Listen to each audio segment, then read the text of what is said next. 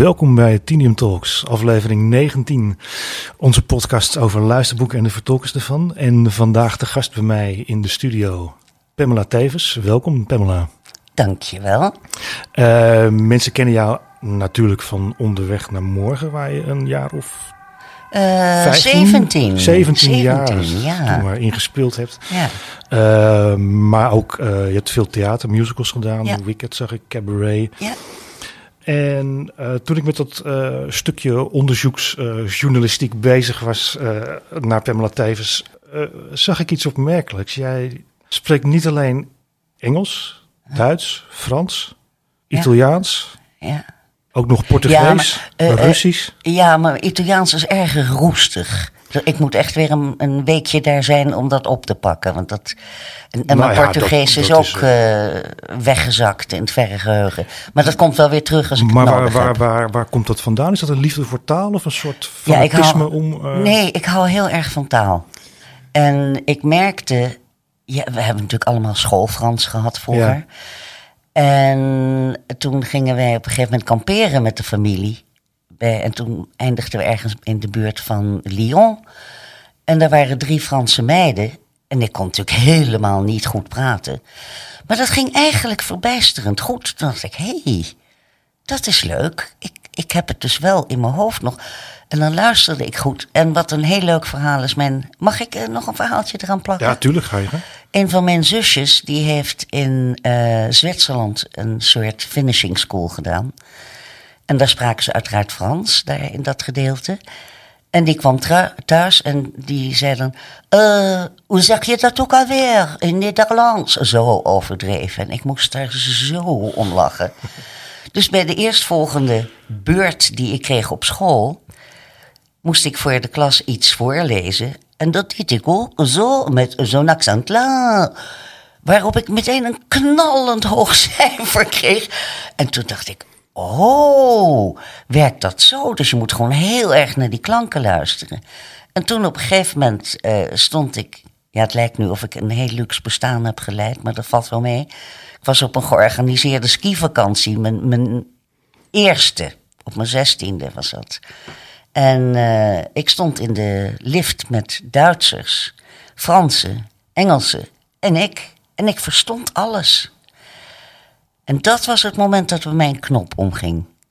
Toen dacht ik, dit is natuurlijk fantastisch dat ik met iedereen kan de communiceren. Om, ja. ja, dus zo is die belangstelling voor andere talen ja. ontstaan. En, en, en uh, welke van die talen uh, ligt je het meest aan het hart? Uh, welke vind je het Ik mooist? vind het mooist Italiaans. Ja? En Frans. Oké. Okay. Ja. En, en Engels is voor ons al zo normaal, want er zijn zoveel mensen met wie je Engels moet praten in Nederland. Ja, dat is een soort tweede dat is, taal. Ja. Ja, ik zeg niet dat dat fantastisch is, maar dat, ja, dat, gaat dat is, vanzelf, uh, ja, overal is. Ja. dat hoort erbij. En, en de, uh, de Franse klanken is ja, heerlijk. Ja, ja, en laatst zei iemand in Thailand tegen mij: Als jij Frans spreekt, is het alsof je zingt. En dat heb ik aan mijn zusje dus te danken. Aan die. Ja. ja, gelukkig doe je dat in de luisterboeken niet zo. Nee, hè? Uh, Tenzij het um, moet. Nee, en ik moest ook meteen denken aan. aan de, uh, omdat ik het wel heel uh, opmerkelijk vond dat je al die talen dus, dus, dus je eigen maakt. ik moest meteen denken aan de eerste keer dat ik jou ontmoette. Toen kwam je proeflezen, kennis Ja. Ja. En we lezen altijd van een iPad, niet van papier, om, om technische redenen. En jij vroeg van, uh, mag ik van een blaadje lezen? Dus ik zei, ja, het mag wel, maar waarom? En toen haalde jij een papier tevoorschijn. Dat had ik nog nooit gezien. Helemaal volgepend met aantekeningen, accenten, onderstrepingen. Ja. Um, zo uh, grondig voorbereid. Uh, is, dat, is dat iets wat je nu nog steeds doet als je, als je een boek uh, gaat nee, beginnen? want, nee, want ik krijg nu meestal via het net. Ja. En als ik een boek, echt een boek krijg, vind ik het doodzonde om daarin te krassen. Ja. En ik ben nu veel minder onzeker, omdat ik het nou een paar keer heb mogen doen. Ja, dus je bent inmiddels gewend aan het gewoon AVU ja. uh, lezen. En, ja, en, en nou, er zijn zeker bij die boeken van Agatha Christie zulke lange zinnen met zoveel bijzinnen, ja. dat het wel heel fijn is als je daar even markers kunt zetten. Ja. En uh, dus dan neem ik het op, uh, op het internet. kras ik het aan. En ja. Maar niet meer zoveel als die eerste keer. Ja, nee, dat is, er is een, er is een, ehm, een berucht stuk van eh, Frank Zappa. Dat heet The Black Page. En dat is eh, bijna onmogelijk om te spelen. En dat is volgekalkt met noten, dus waardoor het bijna helemaal zwart is. En daar moest ik toen meteen aan denken. Ik heb er toen een fotootje van gemaakt. En die heb ik nog ergens op mijn telefoon. Oh, wat geestig. Maar ik vond het heel, eh, ik vond het heel mooi om te zien. Ehm, je hebt net een, eh, een boek ingelezen met een eh, intrigerende titel. En ik, het lukt me niet om hem uit mijn hoofd, dus ik pak hem er even bij. Eigenlijk heet ik Chifja, als ik het goed zeg. Leven met een geleende naam. Het is geschreven door Carla van Dokkum. Ja. We luisteren even naar het, eh, de inleiding van het boek, zoals jij het hebt voorgelezen. Ik ben niet lekker. Ik lig op bed, ik heb nergens zin in. Zelfs niet in een film of in het terugkijken van een van mijn favoriete praatprogramma's. Na een paar jaar extreem hard werken, dagen dat ik 14 of 16 uur per dag achter mijn computer zat, heb ik mijn laatste grote project afgerond. Het is begin 2014. Ik ben 71 jaar. Mijn oudste dochter Marcel is gekomen om me op te vrolijken. Dat kan ze goed. We kletsen een end weg. Weet je, mam, als we nu eens beginnen met wat zoekwerk naar je verleden, begint ze voorzichtig. Ik kijk haar lachend aan. Jij ziet je kans schoon, zeg ik. Mijn kordate dochter pakt de iPad. Je hebt wel eens verteld dat je gered bent doordat je bent verwisseld met een kindje dat net zo oud was als jij. Weet je nog hoe die baby heette? Ze doelt op de situatie in 1943, toen de Duitsers een inval deden in de pastorie van dominee Jan van der Meijden en zijn vrouw Dora, een vriendin van mijn moeder in Noordbroek in Groningen. Het was de Duitsers ter oren gekomen dat er in dat gezin van de een op de andere dag opeens twee baby's in huis waren. Hoe kon dat? Op een dag had een Amsterdamse vriendin van mijn moeder mij als kindje van drie maanden verstopt in een weekendtas met de trein naar Noordbroek gesmokkeld. Dat kindje, dat even oud was als ik, heette Stans van der Meijden, weet ik meteen. Marcel typt de naam in op Facebook. Daarna gaat het snel. Ik bel met Stans, de dochter van de vrouw die mij heeft gezoogd. Ze helpt me mijn herinneringen terug te halen, ze weet veel. Ze vertelt me dat Hanny, de beste vriendin van mijn moeder Ellen, nog leeft en in Israël woont. Hanny is inmiddels 96. Ze geeft me haar telefoonnummer. Ja, en zo eh, beschrijft Carla van Dokkum het begin van de speurtocht. Ze is op dit moment eh, 71. Ja. Eh, dit is het moment waarop ze in haar verleden gaat duiken. En Ja. dat begint in 1943. Ja. Ze is drie maanden oud. Eh, wordt ondergebracht bij een eh, pleeggezin tijdens de oorlog. Ja. Eh, en dan begint er een, een verhaal wat leest als een spannende roman, maar echt gebeurd is. Ja, het, het, het mooie van, vind ik aan dit boek is dat je helemaal de reis meemaakt van iemand die eigenlijk heel ontheemd is.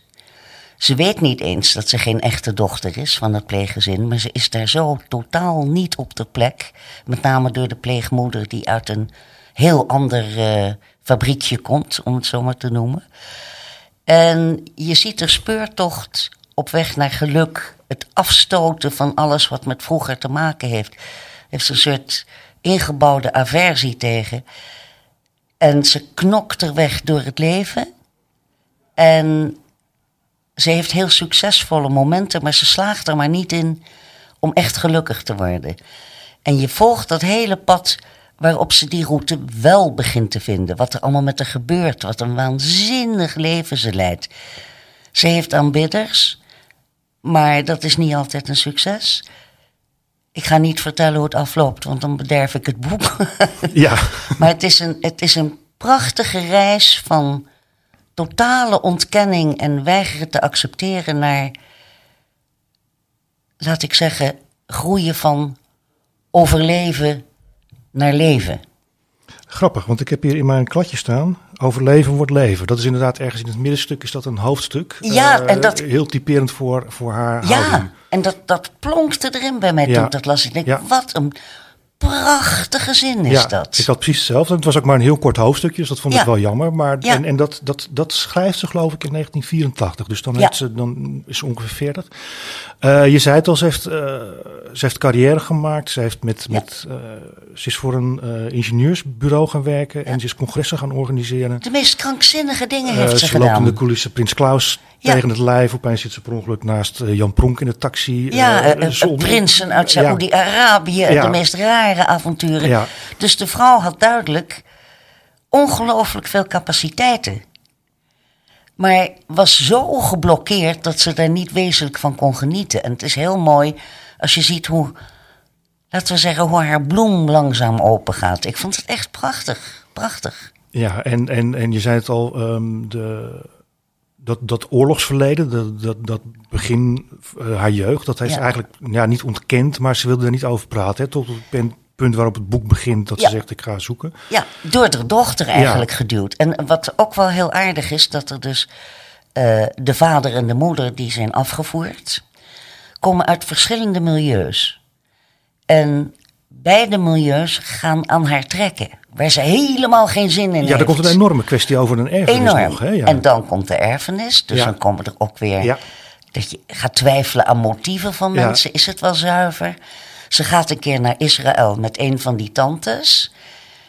En die probeert haar natuurlijk tot het Joods zijn eh, te verleiden. Dat lukt helemaal niet. En uiteindelijk gaat ze, mag ik dat zeggen? ja, Uiteindelijk gaat ze zelf met haar eigen gezin, haar nieuwe gezin, zelf naar Israël en then she wakes up. ja. Dus echt, dan wordt ze wakker. Dan kunnen we dat Engelse eruit halen. Dan, het, het, het is een, een, een... Ja, ik moet enorm denken aan een, aan een lotusbloem. Die uit, hè, dat groeit in de, in de blubber en dat komt dan langzaam naar boven. En dan wordt het echt een schitterende bloem. En dat, dat heeft dit verhaal voor mij. En, en, en kan je er iets bij voorstellen dat ze dat, dat, eh, dat zo lang probeert weg te houden van Ja, zichzelf? kan ik me heel goed Dat voorstellen. wegstoppen van... Ja. Als je leest hoe, Ja. wat er allemaal met haar gebeurd is... Ja, en hoe ze eh, in het verkeerde huis terechtgekomen is eigenlijk... ja.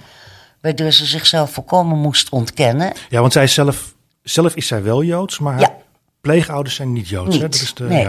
En, en zij wil er allemaal niks mee te maken hebben. Ze maakt zichzelf wijs dat ze heel erg gesteld is op de pleegmoeder... maar helemaal niet dus. Dat zijn Ja. twee botsende karakters... En als ze dan ook nog eens eh, vermogend wordt, krijgt ze natuurlijk ook de meest vreemde dingen op haar pad. Ja.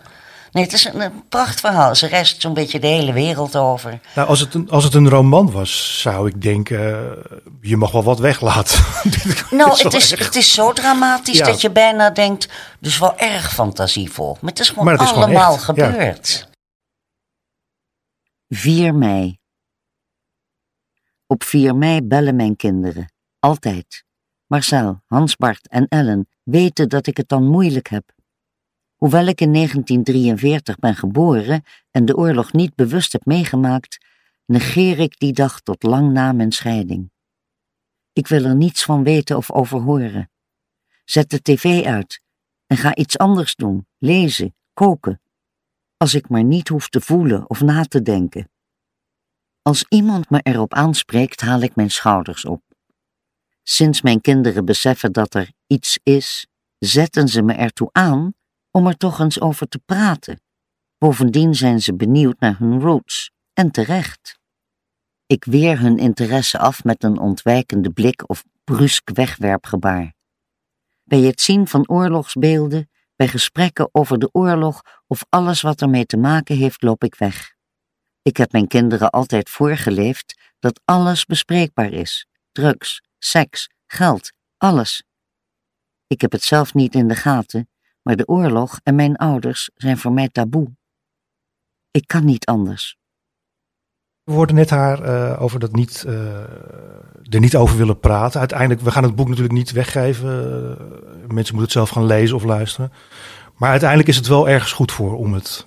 Het is heel hoopgevend. Ja, inspirerend ook? Of? Ja, vind ik wel. Als je, als je ziet welke enorme bergen deze vrouw heeft moeten beklimmen, dan denk ik dat lezers die in zekere mate problemen hebben, daar best iets aan kunnen hebben. En eh, het, het geeft hoop, het inspireert. En stel dat je jezelf zou beklagen en je vergelijkt je met deze vrouw, ja, dan kan je niet anders dan moed putten. Nou, dat lijkt me een mooie uh, afsluiter. Uh, Pamela, dankjewel. Ik, ik hoop dat je binnenkort weer een boek komt voorlezen. Ik hoop het ook. Maar ik hoop eigenlijk nog liever dat je dan geen tijd hebt omdat je dan in Thailand bent. Ah, dankjewel. Maar mocht dat niet lukken, dan uh, Ja, gauw terug ja. naar hier. Eh, dit was aflevering 19 van Tinium Talks. Onze eh, podcast over luisterboeken en de vertolkers ervan.